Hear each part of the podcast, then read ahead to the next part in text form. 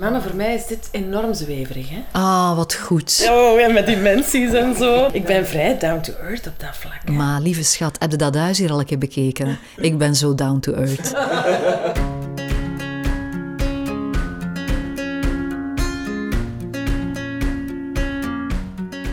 Dit is een inspiratiepodcast over de betekenis van geluk en hoe we het kunnen vinden. Via interviews met boeiende gasten bekijken we alle aspecten van geluk en zoeken we concrete tips om te kunnen toepassen. Welkom bij Potvol Geluk.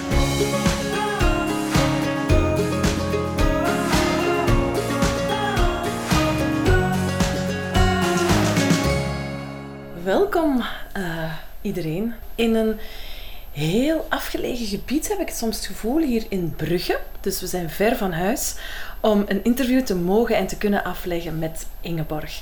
Dus Ingeborg, heel erg bedankt om ons te ontvangen in Dank u. jouw huis, in jouw praktijkruimte. Ik zie nog altijd dat guitig gezichtje Ja, van waar ik mee ben opgegroeid. Dat is echt waar. Er is ja, een klein beetje grijzer, maar al wat al de rest is net hetzelfde. Allee, ik ben fijn. opgegroeid met schuif af. ja. Eh, denk, ja, je hebt dat heel lang gedaan. Hè. 16 Mhm. jaar las ik vandaag nog eens op Wikipedia. En daar heb ik veel jaren van meegepikt. En ik vind het zo boeiend om nu te zien dat datzelfde gezichtje hier nog altijd zit. Maar ik ken jou ook van Blind Date op tv. ehm, All You Need Is Love was ik eh, gek van. En vandaag zitten we hier met een specifieke vraag voor jou. Want wij zijn op zoek naar de weg naar geluk. Wij als life coaches zoeken inspiratiebronnen voor onszelf, voor onze cliënten, voor iedereen die het maar horen wil. En als seizoensfinale van onze eerste seizoen Potvol Geluk zijn we hier met die concrete vraag: wat is geluk voor jou? Mhm. En waar word jij gelukkig van? ja, dat is echt een draak van een vraag. Och, Dat is het is, eh, het is eh, onze plicht om gelukkig te zijn. Hoorde ik ooit in een Ayurvedische kuur. Eh, en die mens sprak Duits en ik niet, dus ik dacht, heb ik het nu goed begrepen? Maar hij, hij zei, het is heel belangrijk en het is eh, een thema dat eigenlijk ons allemaal aangaat. En het is belangrijk om daarin te investeren. En voor mij, geluk is, iets, eh, is een gevolg. Een gevolg van keuzes maken, van zorg, van bewustzijn. Ehm, en het is niet zo simpel. Ik heb ooit het antwoord De Weg naar Geluk geschreven en eh, ik heb dat proberen zo eenvoudig mogelijk te maken, maar ik merkte onderweg, je kan wel heel veel tips geven en mensen inspireren, maar uiteindelijk is het een, het is een weg. En het is een, eh, soms een hobbelige weg. En het, is een, ehm, het heeft te maken met ons fysiek. Dus eh, je hebt me net zien een koffie drinken met een boterham, want ik had te laat ontbeten. Dus eh, vroeger mocht dat helemaal niet van mezelf. Dus uiteindelijk heb ik in een soort heel strikte, rigide stroming terechtgekomen, waar dat allemaal niet hoorde. Dan merkte ik dat dat ook mij niet gelukkig maakte. Dus het is vaak ergens in het midden. En de juiste voeding vinden. En soms is een koffie voor jou iets heel gezond en voor een ander not done. Dus dat, hè. fysiek beweging uiteraard, dan emotioneel. Dat is, vind ik, een van de moeilijkste om daar in interactie met mensen en met al de dingen die in ons leven gebeuren te durven naar kijken. Eh, onze angsten, onze onzekerheden, onze twijfels, die allemaal onder ogen zien, dat eh, niet afdoen als we gaan dat even verdoven, eh, klasseren, het plaatsen, hoe ze het allemaal noemen. Het is voor mij het eren, eren wat er is.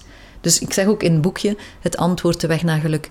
Dat boekje moet je niet lezen, maar neem die cd. Nu, tegenwoordig zijn er bijna geen cd's meer, maar mediteer, ga naar binnen, kijk het in de ogen, omhels het, alles wat zich toont. Want als tranen kunnen stromen, is ons emotioneel lichaam ook vloeibaar.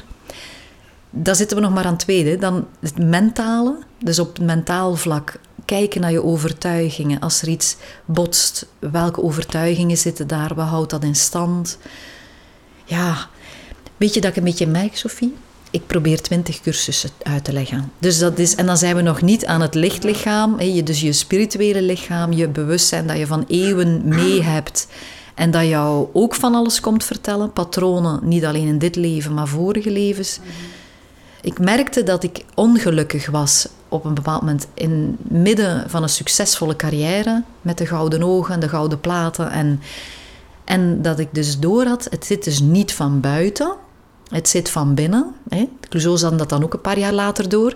Het is een innerlijk iets, maar dan als je heel veel van binnen zit, dus als je veel mediteert en heel veel met die zelfontplooiing bezig bent, dan is er ook een soort stuwkracht dat jou weer naar buiten duwt van probeer die vormen te creëren in je leven die ook nog eens ondersteunend zijn. Zijnde, ehm, ik kon niet meer schuif afdoen terwijl het zo leuk was. En we waren moe van het lachen. En toch had ik zoiets, nee, ik moet ook daar afscheid van nemen. En, eh, want het, het voelt niet meer juist. Nu zag ik Bartje onlangs hè, met de nieuwe revue, of de winterrevue, of heet het? Want ik ben nu in mijn ja-fase, nog tot het eind van het jaar is het gedaan. Hè. Uh, maar dus die, die, uh, die ontmoeting met, met eigenlijk Christophe, maar ik zeg altijd Bartje. Die ontmoeting deed me weer helemaal in die in die joy komen. Nostalgisch worden. Oh, maar zalig ook, want we hebben altijd plezier als we elkaar zien. Maar op dat moment was het voor mij belangrijk om naar binnen te gaan. En nu is het weer belangrijk om naar buiten te gaan. Dus het is ook geen vaststaand iets. Mhm. Dat wat nu voor je werkt, is binnen drie jaar misschien ga ik weer helemaal geen koffie drinken. En ga ik weer helemaal in, of word de kluizenaar of ga ik dit of dat. Ik ben ook elke keer, als het mijn werk werd, was ik weg. Dus als iets mijn werk, en mijn werk, dat bedoel ik mee, oh, mijn wekker gaat af en ik moet mhm. opstaan. Maar hoeveel mensen... en de spontaniteit eraf gaat. Ja, maar natuurlijk, wie, wie, kan dat nu? Wie kan dat nu? Het zijn veel mensen die heel hun leven in diezelfde uh, stroom zitten. En tegelijkertijd heb ik altijd, door dat te volgen, gemerkt dat daar ook de overvloed zit. Dus als je je hart volgt, en dat is makkelijk gezegd, want dat is mega spannend... Dat is zo al uw zekerheden soms op de helling durven zetten. Hey, ja, en wie kan dat ook? Ook niet iedereen. Nee, nee. Mhm. En ja, ja. Nee, en ja. ja Want we houden het eh, een stuk in stand. Mhm. Kan jij je nog herinneren wat precies die ommezwaai heeft veroorzaakt?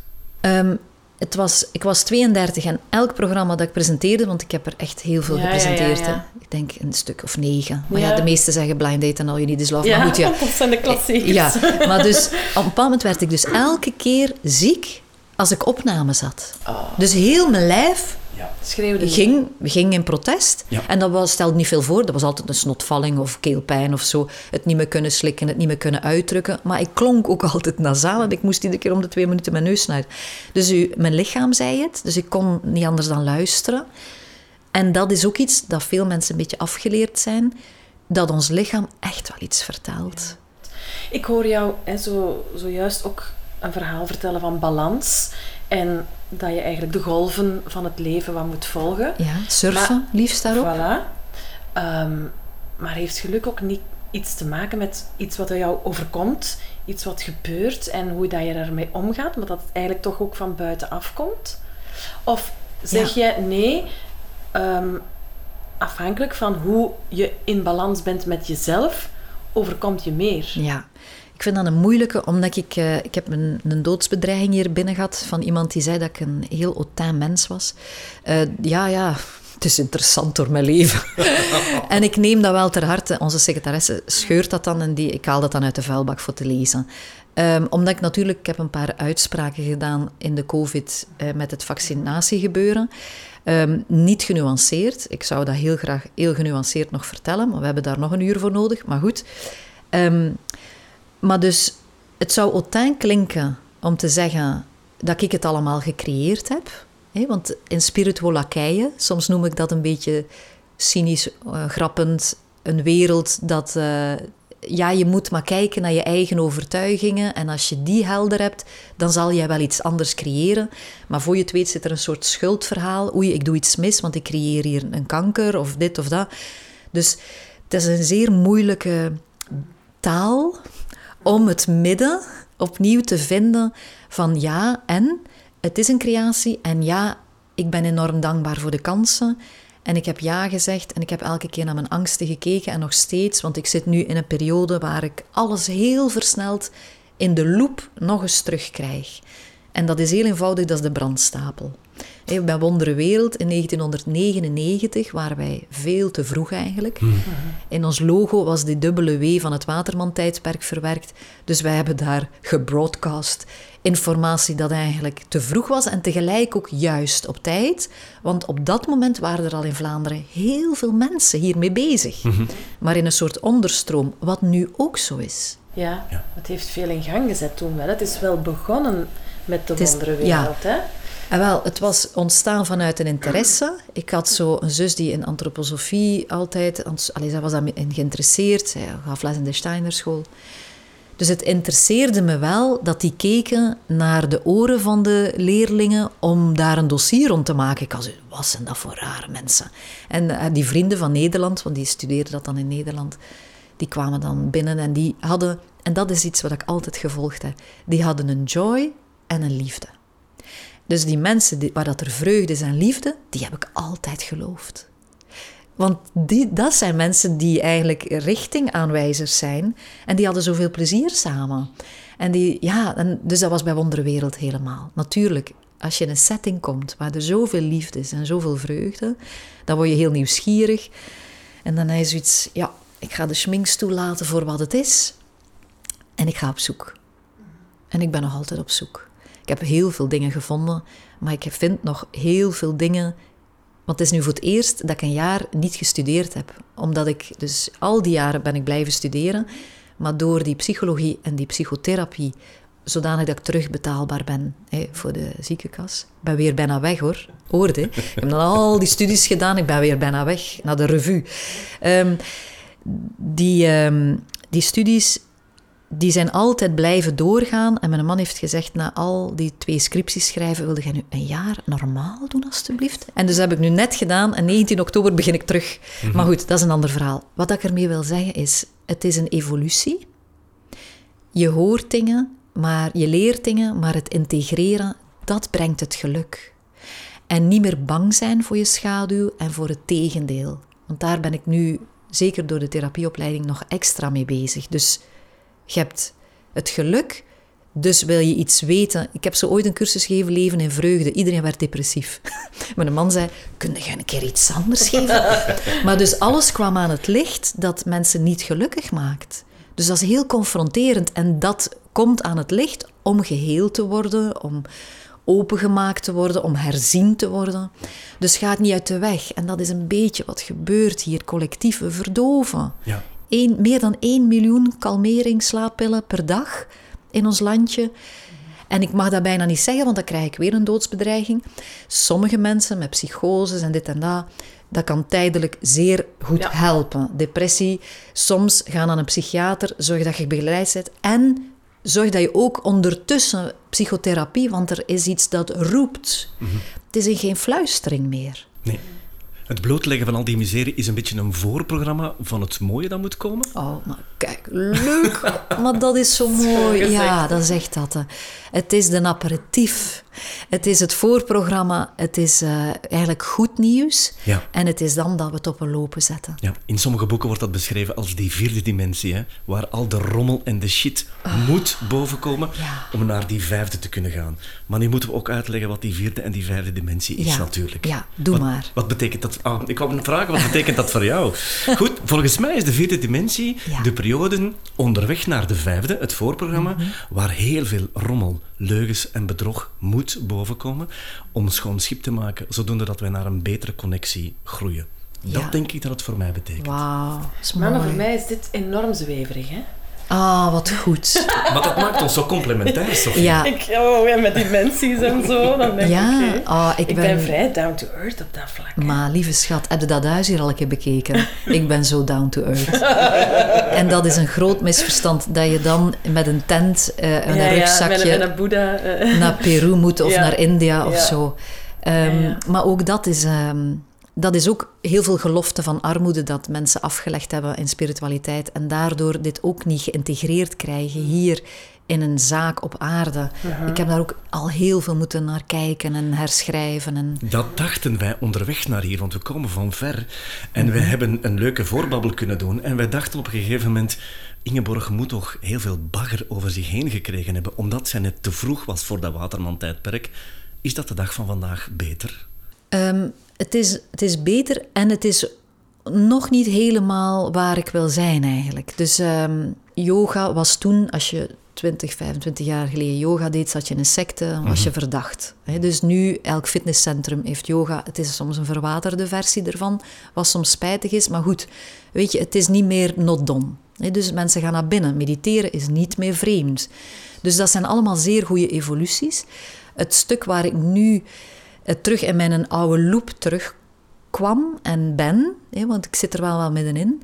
Ehm, is ik ben eigenlijk gevlucht daarvoor, voor dat, de collectieve razernij, de, de pijn van mensen die ze projecteren op mij. Allee, dus ik ben niet zo graag een katalysator van al die shit. Dat snap ik. Maar als het een stuk van je missie is, ehm, is dat wel ehm, heftig. ik ga zeggen wat er gebeurd is. Hè. Gewoon dat jullie even mee zijn. Dus ik kan hier blijven. En hier zit ik in mijn vijfde, in mijn zesde, in mijn twaalfde dimensie, whatever. dat zijn gelijkgestemden. Ik zit hier op mijn troon bijna, met een tapijtje onder mijn blote voeten. Ik, ga, ik zit niet in de file. Dus ik heb een soort systeem gecreëerd waar ik kan van leven. En waar ik kan in interactie met mensen gaan over dat wat mij zo begeestert. Namelijk inderdaad die tocht naar gelukkig zijn. Dus de tocht van de held, de heldin naar uw zelfrealisatie. Oké, wat merkte ik? En dat heeft met COVID te maken. Iedereen heeft, heeft een reset uh, gemerkt. Hè. Dus bij COVID mocht ik blijven werken als psychotherapeut. En heb ik dat dus veel te veel gedaan. Dus ik mocht geen groepen meer begeleiden, ik mocht geen yogalessen meer geven. Dus ik heb alleen maar one-to-ones gedaan. En ik, als je met mij in sessie bent, ja, je krijgt mij helemaal. Ik zit daar niet zo professioneel te wezen met een boekje op schoot en mhm, mhm. Dus dat is wel, ik ga helemaal in de verbinding. En in dat jaar heb ik gevoeld, ik heb er nu zo hard voor gestudeerd, maar dat ga ik niet heel mijn leven doen. ik ga dat gedoseerd. Omdat het zwaar is? Het is intens en je moet eigenlijk een beetje naar achter. Bij een coach mag je iets meer de trainer zijn, hè? maar bij psychotherapie is het echt helemaal naar achter. Uh, in het niet weten, de niet wetende houding, de grondhouding en de ander er laten bijkomen. Dus de, de cliënt moet er zelf bij komen. Dat is hun theorie. Jongen, jongen, jongen, dan ben ik liever coach. Hè. Ik zal het u uitleggen. Wacht, hè. Doe dit. Ja, maar ik wou het goed doen. Ik wou heel mijn stageperiode... Allee, ik ben al een tijd die stageperiode had ik gehad. Ik heb dan die, dat volledige jaar dat gedaan. En dan dacht ik, nee, ik ben meer een entertrainer. Ik heb een nieuw woord gevonden. Dus ik ben een entertainer, maar ik ben ook een trainer. En ik werk heel graag met groepen.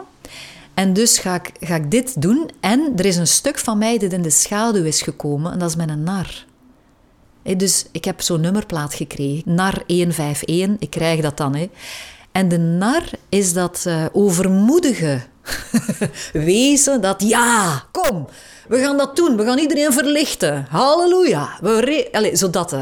Dat is zo de rover. En dat kan niet altijd ehm, ontvangen worden. Hier wel, hè. De evolutie maak ik echt volle ja, bak. Hè. We are the people we're waiting for. We zetten zo die muziek op en dat is hier een partystuk dat mensen bijna niet kunnen voorstellen hoe sereen en hoe uitbundig beide gebeuren in eenzelfde weekend. Ja, dus... Maar goed, ik kan er zo, zo freewheelen dat ik mijn draad kwijt ben. Hè. Maar in elk geval... Het ging over de bagger en hoe dat je daar... Laat maar komen. Ja. ja. Dat, ja. En ah, wel, dus na die uh, psychotherapieperiode met al die mensen in interactie ben ik uh, naar een kuur gegaan, omdat ik voelde ik moet heel mijn energiesysteem zuiveren. Ik zat alleen met vijf mensen op een, op een vliegtuig. Ja, niemand durfde nog vliegen, dus we hadden alleen maar privéjets. Dat was onwaarschijnlijk. Dan ben ik bij een Duitse arts in Tenerife, Noord-Tenerife is daar een heel goed centrum, waar ik soms een keer ga om een Maier-kuur te volgen. En dan zuiver ik heel mijn systeem. En tijdens die zuivering heb ik veel gemediteerd en gevraagd echt aan mijn broninformatie, mijn gids. Nee, wat voor jou misschien een klein beetje zweverig klinkt, Sophie, of niet.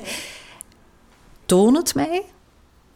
Toon mij wat mijn zielenmissie is in deze fase van mijn leven en ik zal ja zeggen. En de mensen zien het niet, maar ik stond met mijn armen open.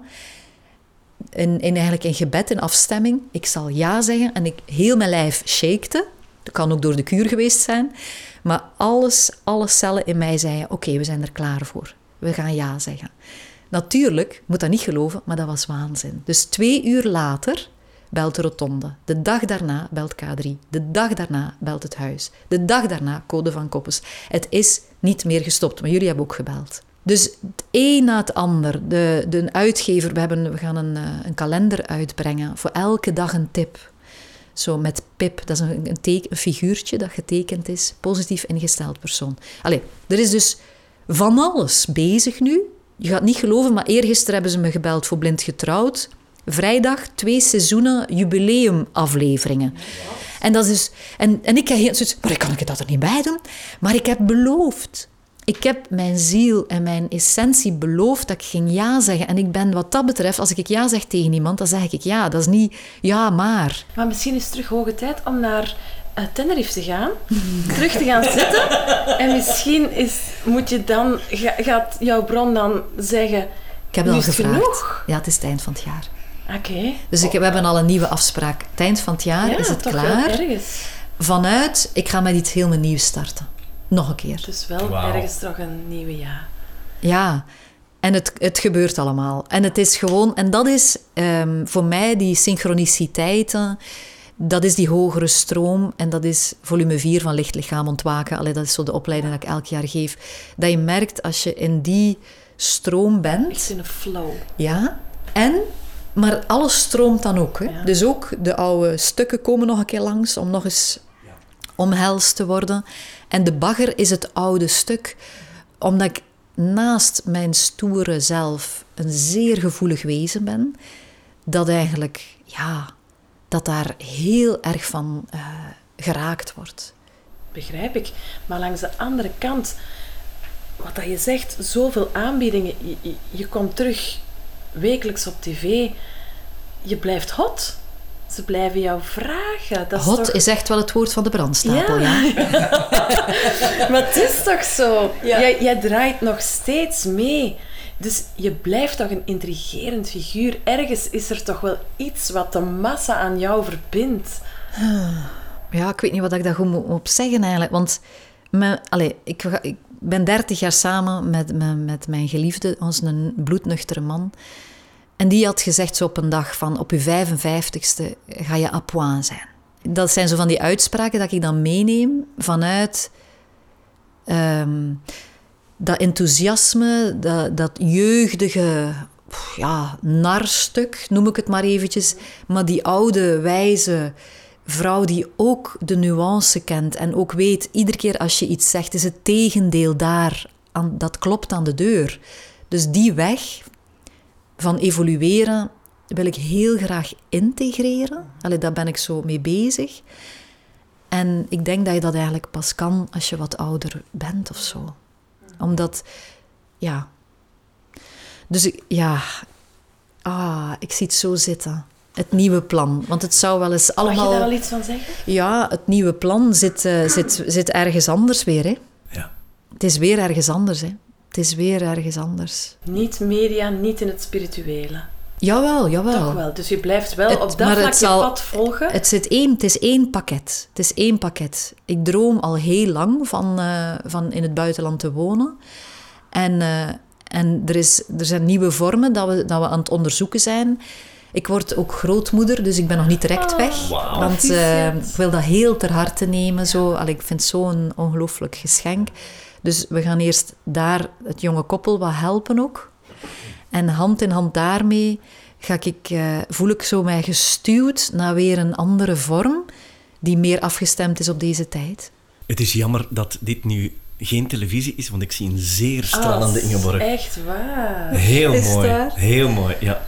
Het, heel, het, heel de energie verandert, vind ik. Oh, ja. Ah, ik krijg nu weer rillingen. Ja, ja. echt waar. En misschien moeten we deze aflevering eens aangrijpen, Ingeborg, om eens te vertellen wat dat, dat precies betekent. Want ik hoorde jou daarnet vertellen, de connectie met mijn ziel en de bron. En we hebben het daar nog nooit over gehad. Ja, want je zegt wel, oh, ah, dat klinkt zweverig voor jou. En dat is ook zo, maar het interesseert me wel. Ik wil dat ook... Okay. Vertel daar eens wat. Want het geluk, als het, over, het gaat over het geluk, het geluk gaat voor mij ook over de verticale verbinding. Ik noem dat zo omdat dat je wervelkolom en energetisch heb je dus je kruin en uh, die centra zijn op elkaar opgebouwd. En dus hoe ik het de uitleg. Chakras? Ja, Ja. allemaal poorten met verschillende levensinformatie, waar er kan een verstoring op zijn, die, die zich kunnen openen en stromen enzovoort. Dus eigenlijk is het, je hebt je ego. Ik, ik ga het nu zo eventjes, hoe Ja, dat ja. ik het aan mensen uitleg. Heel Je hebt je ego, dat is dan, wordt geïnspireerd door je persoonlijkheid. Dat zijn al die verfijnde aspecten van je persoonlijkheid. Je persoonlijkheid wordt geïnspireerd door je hoger zelf. Je hoger zelf wordt geïnspireerd door je ziel. Je ziel wordt geïnspireerd door je monade. Dat is de ziel van je ziel. De monade wordt geïnspireerd door geestkracht. En geestkracht wordt geïnspireerd door het Allerhoogste, dat wat men God, Godin noemt. Het al wat is. En ik doe nu zo'n trappetje. Maar dus hoe hoger wij in trilling leven, hoe meer jij contact krijgt met die verfijnde energie, wat liefde brengt, vrede, vreugde. En dat is eigenlijk. Mensen die hier naar luisteren, hebben al contact met hun ziel, hebben al gewaarwordingen met hun monade, maar hebben het misschien nooit zo genoemd of anders genoemd.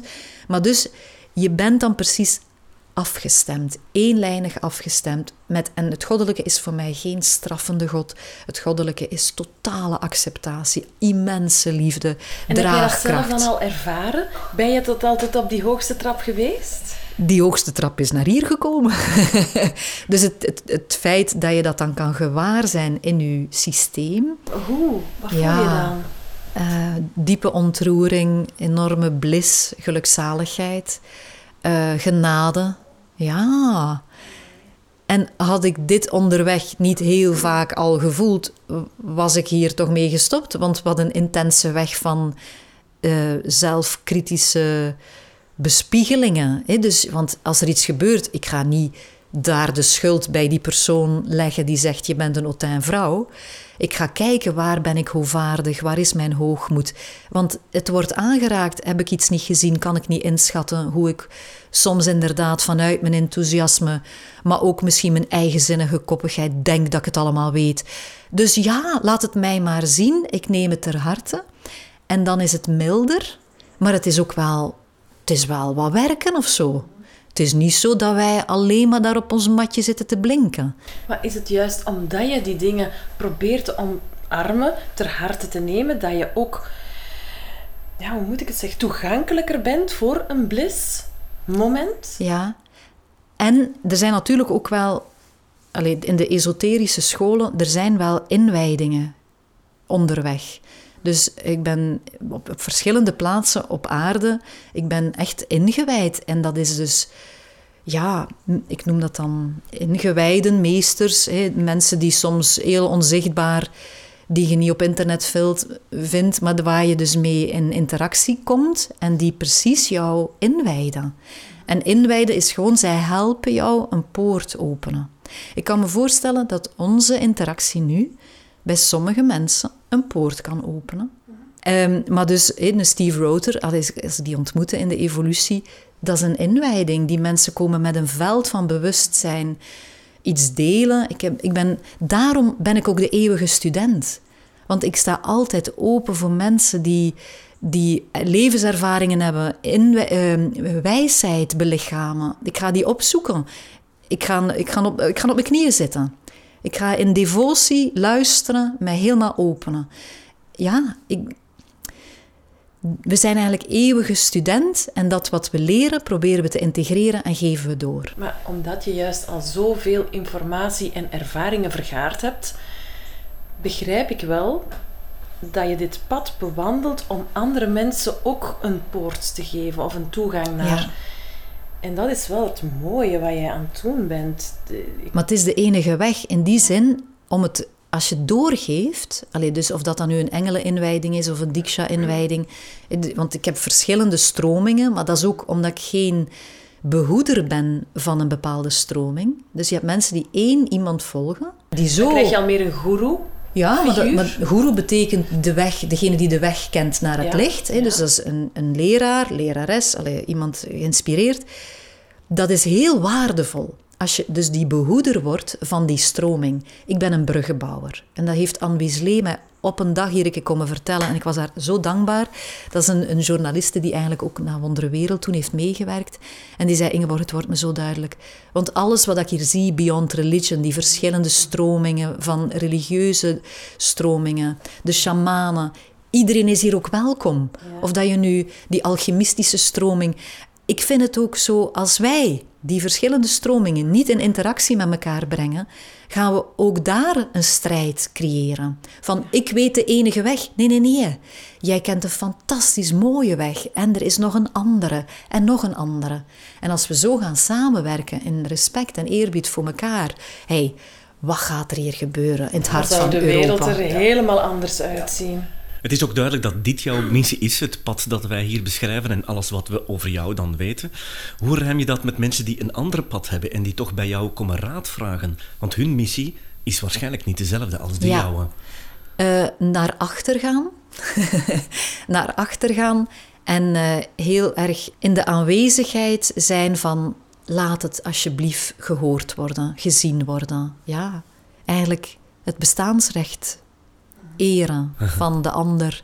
Niet manipuleren. Ik zeg ook vaak op het einde van een weekend zo: mensen aan de achterkant van de deur, als je daar doorwandelt, staat er trek uw plan. En eigenlijk bedoel ik, volg jouw goddelijke plan.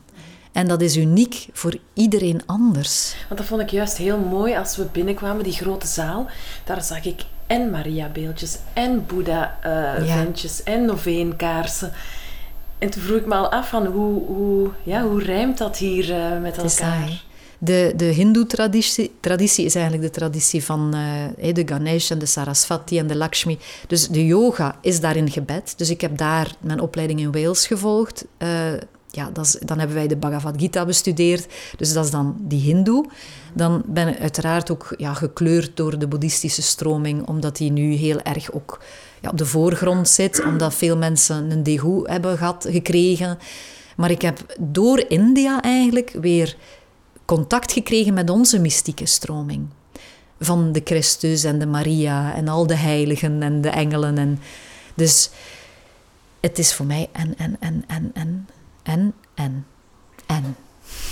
En wat bedoel je dan juist? Van je gelooft in het goddelijke of jij gelooft in het geloof in iets?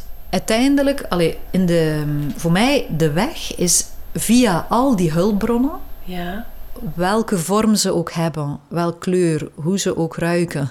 Dus al die verschillende frequenties van stromingen, dat je uiteindelijk je goddelijke essentie vindt. Dus eigenlijk je zelfrealisatie, je godsrealisatie. Dus echt dat kunnen zien in de ander en in jezelf. Ik blijf dat moeilijk te vatten vinden. Ah, wel. Ja. Probeer me nog een moeilijke vraag te ja, stellen. Ik, ik wil terug naar Tenerife. Ja. Ik wil terug daar op de berg. Wat voel je dan? Wat maakt dat jij ineens dat moment hebt van... Of, of wat gaat daar dan vooraf? je spreekt over meditatie. Kan je dat eens heel concreet zeggen? Wat, ga je daar dan op een mat zitten, drie uur aan een stuk in stilte... maar als ik in stilte zit, oh, dan met de doellijstjes eh, floepen door mijn hoofd. Ja, oh heerlijk. Ik heb dat ook. ja. Dus uh, ik ga meestal eigenlijk enkel voor de yoga op een matje zitten. Dus als ik mediteer, zit ik gewoon op een stoel. En uh, ik heb uh, een soort systeem waar ik heel, ja, ja, dat van mij heel erg werkt. Dat zijn geleide meditaties. Geleide meditaties zijn dus ingesproken meditaties. Ik ben heel erg fan van Sanaya Roman en Dwayne Packer. Het zijn ook Amerikaanse mensen. Um, hun informatie is zeer overvloedig. En van hen volg ik, ben ik nog altijd heel veel mee bezig. Die hebben, ja, ik weet niet hoeveel workshops en opleidingen en dit en dat. Dus je leert om daar naar te luisteren, om dat toe te passen. Want van sommigen val ik in slaap. Andere stemmen vind ik al bijna creepy als die dan zo mm -hmm. s'nachts in mijn kamer precies zitten. um, maar ik wil het altijd een kans geven. Hè? Ja. Dus dat vind dan, de juiste stem. Voilà, voilà, vind de juiste stem. Goed naar luisteren en wanneer dat je voelt van oké, dit heeft effect op mijn, op mijn mind, op mijn lichaam. Dan op mijn emoties, ja, Dus op alle levels. Fysiek, emotioneel, mentaal, spiritueel. Voor mij zijn dat de belangrijke lagen waar je merkt dat er een soort groei is. En het, het toont zich. Dus bijvoorbeeld um, mijn scriptie van mijn afstuderen bij de psychologie heb ik het effect van meditatie gemeten via stoelgang- en urineonderzoek met een labo voor en na. En um, ook met vragenlijsten, want dat was natuurlijk mijn specialiteit rond de tevredenheidsschaal. Eh, zijn er transcendente ervaringen? Dus bijvoorbeeld waren er van die 60 mensen 40 die nog nooit een transcendente ervaring gehad hebben.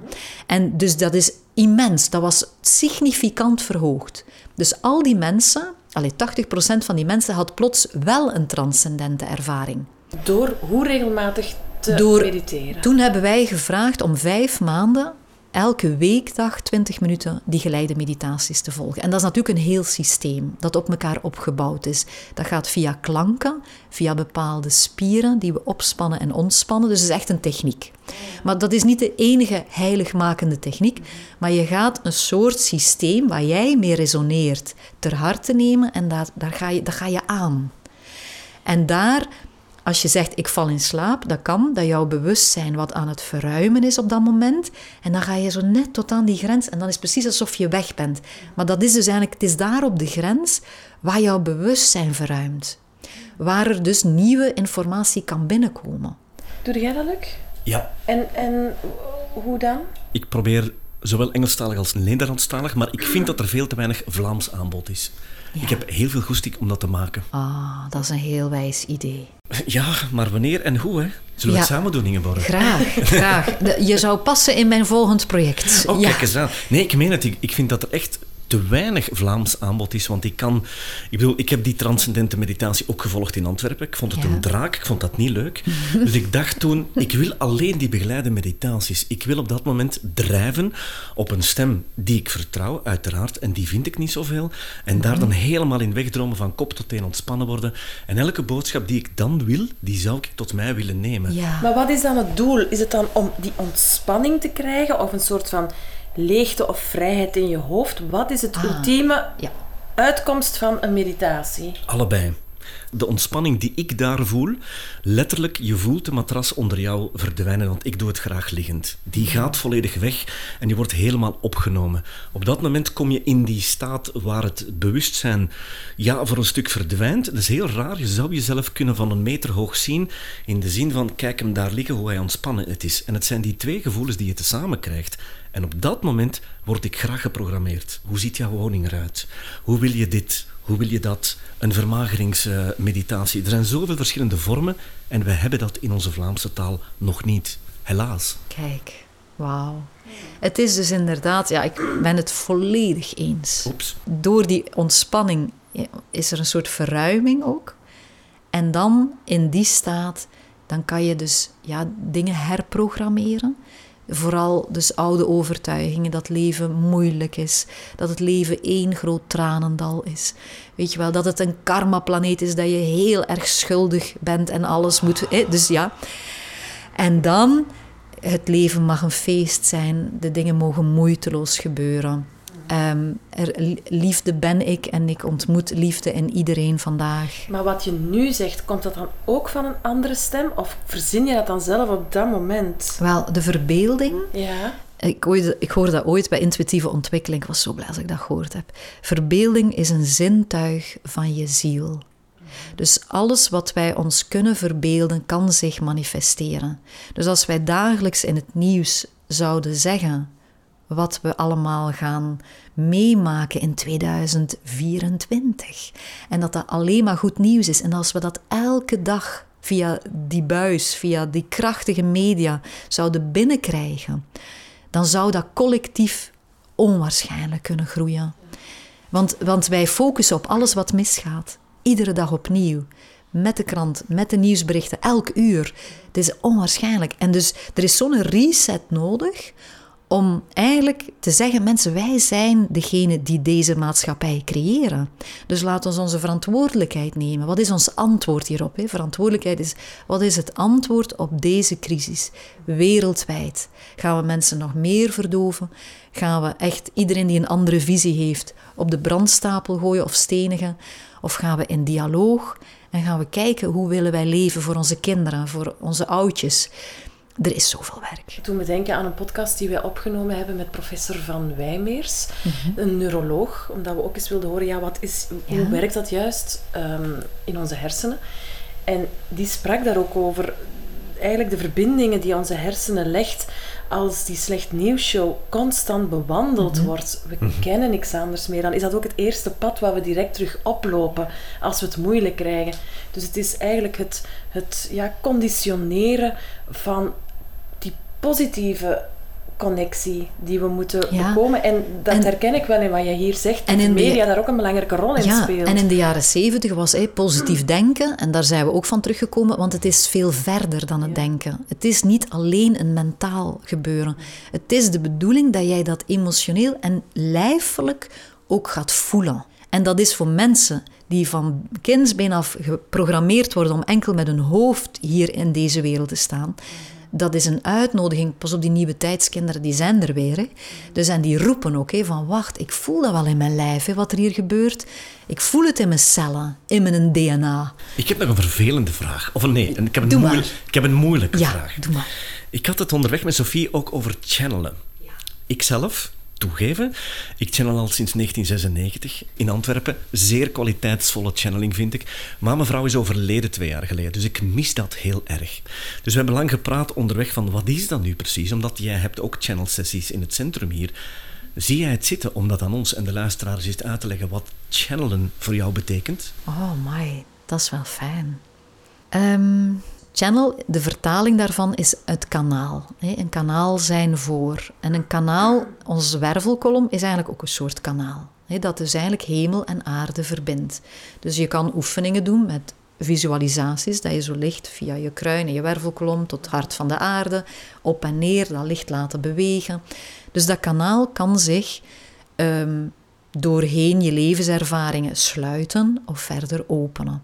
Als we meer in rust zijn en meer ons voeden met mystieke informatie, met ontmoetingen, opent dat kanaal zich. Soms is dat gewoon aangeboren, anderen, vind ik, kunnen dat aanleren.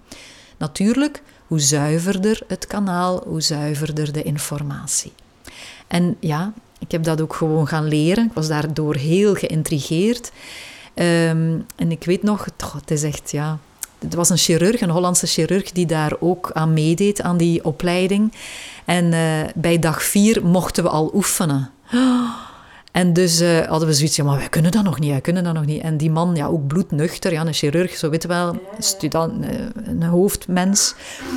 Die wou ook heel zuiver daarin staan. Dus hij ging voor me zitten. Hij moest als eerste beginnen.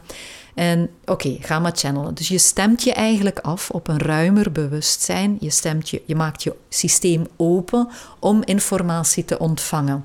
Liefst van een hogere gids. Een hogere gids kan dus iemand zijn die al geleefd heeft en die zijn levenscyclus afgerond heeft, of iemand die nooit geïncarneerd is. Of het. Voor mij zijn dat, zijn dat velden van bewustzijn. Ik zeg ook altijd engelen, voor mij zijn dat velden. Dat is eh, afstemmen op een, ja, op een atmosfeer, een energieveld. eh, zo.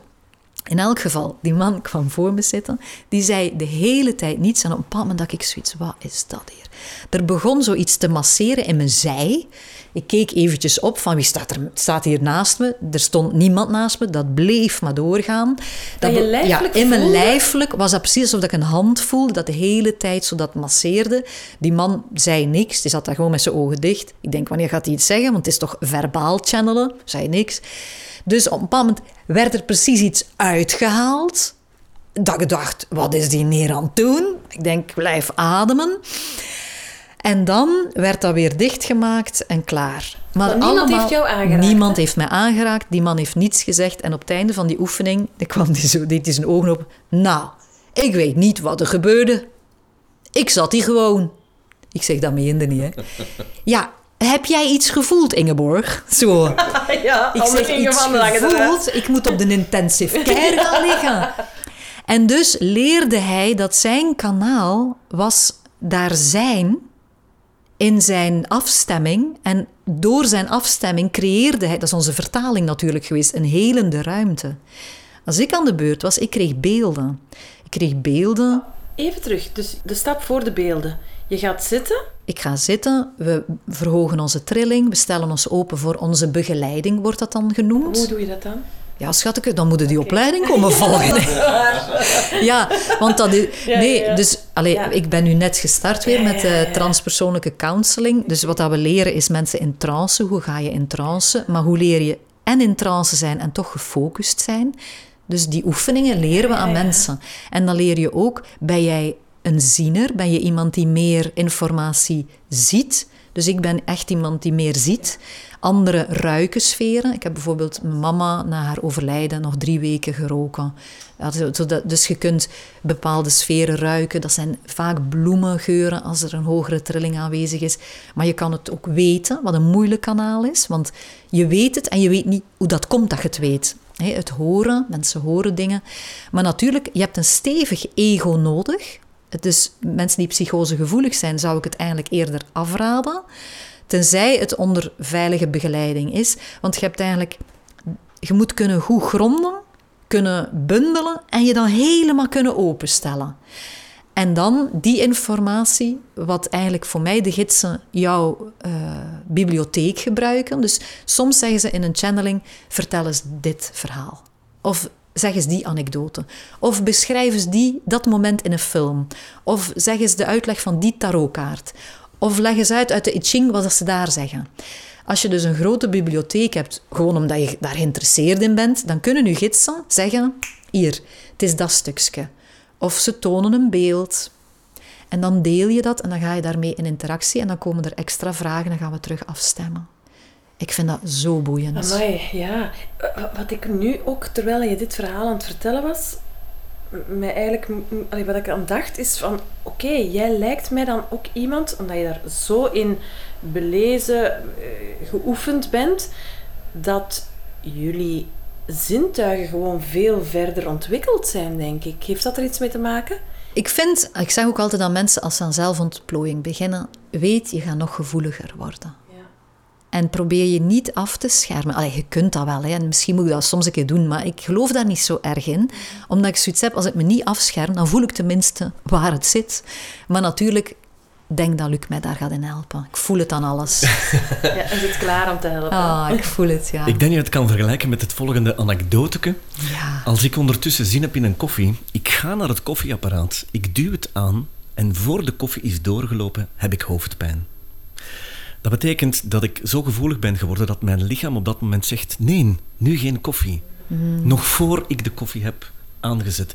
En dat was heel vreemd. Ik heb daar uiteraard niet meteen aan toegegeven. Toch blijven doorgaan, die kop en zet je door. En na een aantal weken dacht ik: ja, ik ben gevoeliger geworden. En ik heb dat ondertussen ook met voeding. Kijk. Ik denk nog maar aan die voeding, aan een pizza, en ik denk: oh nee, ik voel de buikpijn al. En ik heb hem zelfs nog niet besteld. Die trilling, en die is, zuiverheid vraagt. Ja, en het is een lastige om dat toe te geven, om dat ego toe te laten, om te zeggen, ja, ik ben fijngevoeliger geworden. Dat voelt voor mij zo egocentrisch aan, dat ik daar ook een gevecht mee voer, want ik ben helaas hel helderwetend. Ja. Dat is een lastige. Ja. Ja. ja. Maar goed, we komen er wel door. Want ik vind dit, Sophie, eerlijk gezegd, ik vind dit een schitterende finale van ons seizoen. Ik vind dit echt heerlijk. Maar praten we dan niet te veel boven mensen? Dat, ja, wij, wij resoneren nu, maar Sophie, gooi het in de groep. Gooi Ja, ik vraag me nog... Zijn we ze kwijt, de mensen? Nee, maar ik mis nog echt toch iets praktisch, een tool. Hè, bijvoorbeeld, ik wil nog maar aan de tenen van jullie wereld komen. wat doe ik eerst? Ik, ben ik denk meditatie. Dat is nu iets wat dat lichtjes common field begint te worden. Ja. Maar ik heb die, die, die kneepjes niet 100%. Ja, zitten. Ik doe ook yoga. Totaal level kan ik al. Zitten, proberen uw gedachten uit te schakelen of, of te accepteren, als een waarnemer kijken. Ja, maar ik kom nooit in een andere zone of zo. Ja, ah, wel, maar dus het is daarom dat ik dus die... Um, ik ben echt van dat type ook. Je hebt mensen 50.000 gedachten per dag. Ik denk dat ik er 100.000 heb. Mhm. Dus wat dat betreft ben ik helemaal mee. En dan vond ik het zo straf met... Het, allez, ik ga nu weer over mijn eigen winkel ja, spreken, maar dat kan niet anders. Hè. Het lichtlichaam ontwaken, als ik dat deed, had ik zoiets wat ben ik nu mee begonnen? Ik snap er niks van, ik wou het ook begrijpen. En dan viel ik gelukkig in slaap, dat, dat, dat ik denk, ja, dan ben ik maar in slaap. Maar bij volume 3 ging het over het mentale lichaam. En daar zie ik ook jouw stuk in van heel mentaal, allez, het, het willen begrijpen, weten, wat moet ik nu doen? Hè? Duh. Geef mij Maak iets. het praktisch. Ja. Hallo. Eh, Ja, Zo, ja. ik, ben, ik ben iemand in het Westen. Ik wil het ehm, vertaalbaar krijgen naar mijn dagdagelijkse leven. En in volume 3 kwam er plots een pauze van de ene gedachte naar de andere. En ik dacht, wow, dit is nog nooit gebeurd. Dat er een ruimte kwam tussen mijn gedachten. Dus ik heb het echt via een techniek geleerd. En ik was daar wel even ambitieus in als in al het andere van mijn leven. Ik ben niet iemand die zegt, oh, ik ga dan een keer een podcastje, ik, of ik, ik luister een keer bij volle maan naar een meditatie en klaar. Nee, nee. Ik ben daar even ambitieus in geweest. Dat was elke dag yoga, elke dag mediteren. En kijken wat mij dat bracht. En hoe meer vrede en joy en liefde en geluk het mij bracht, hoe enthousiaster ik natuurlijk door werd.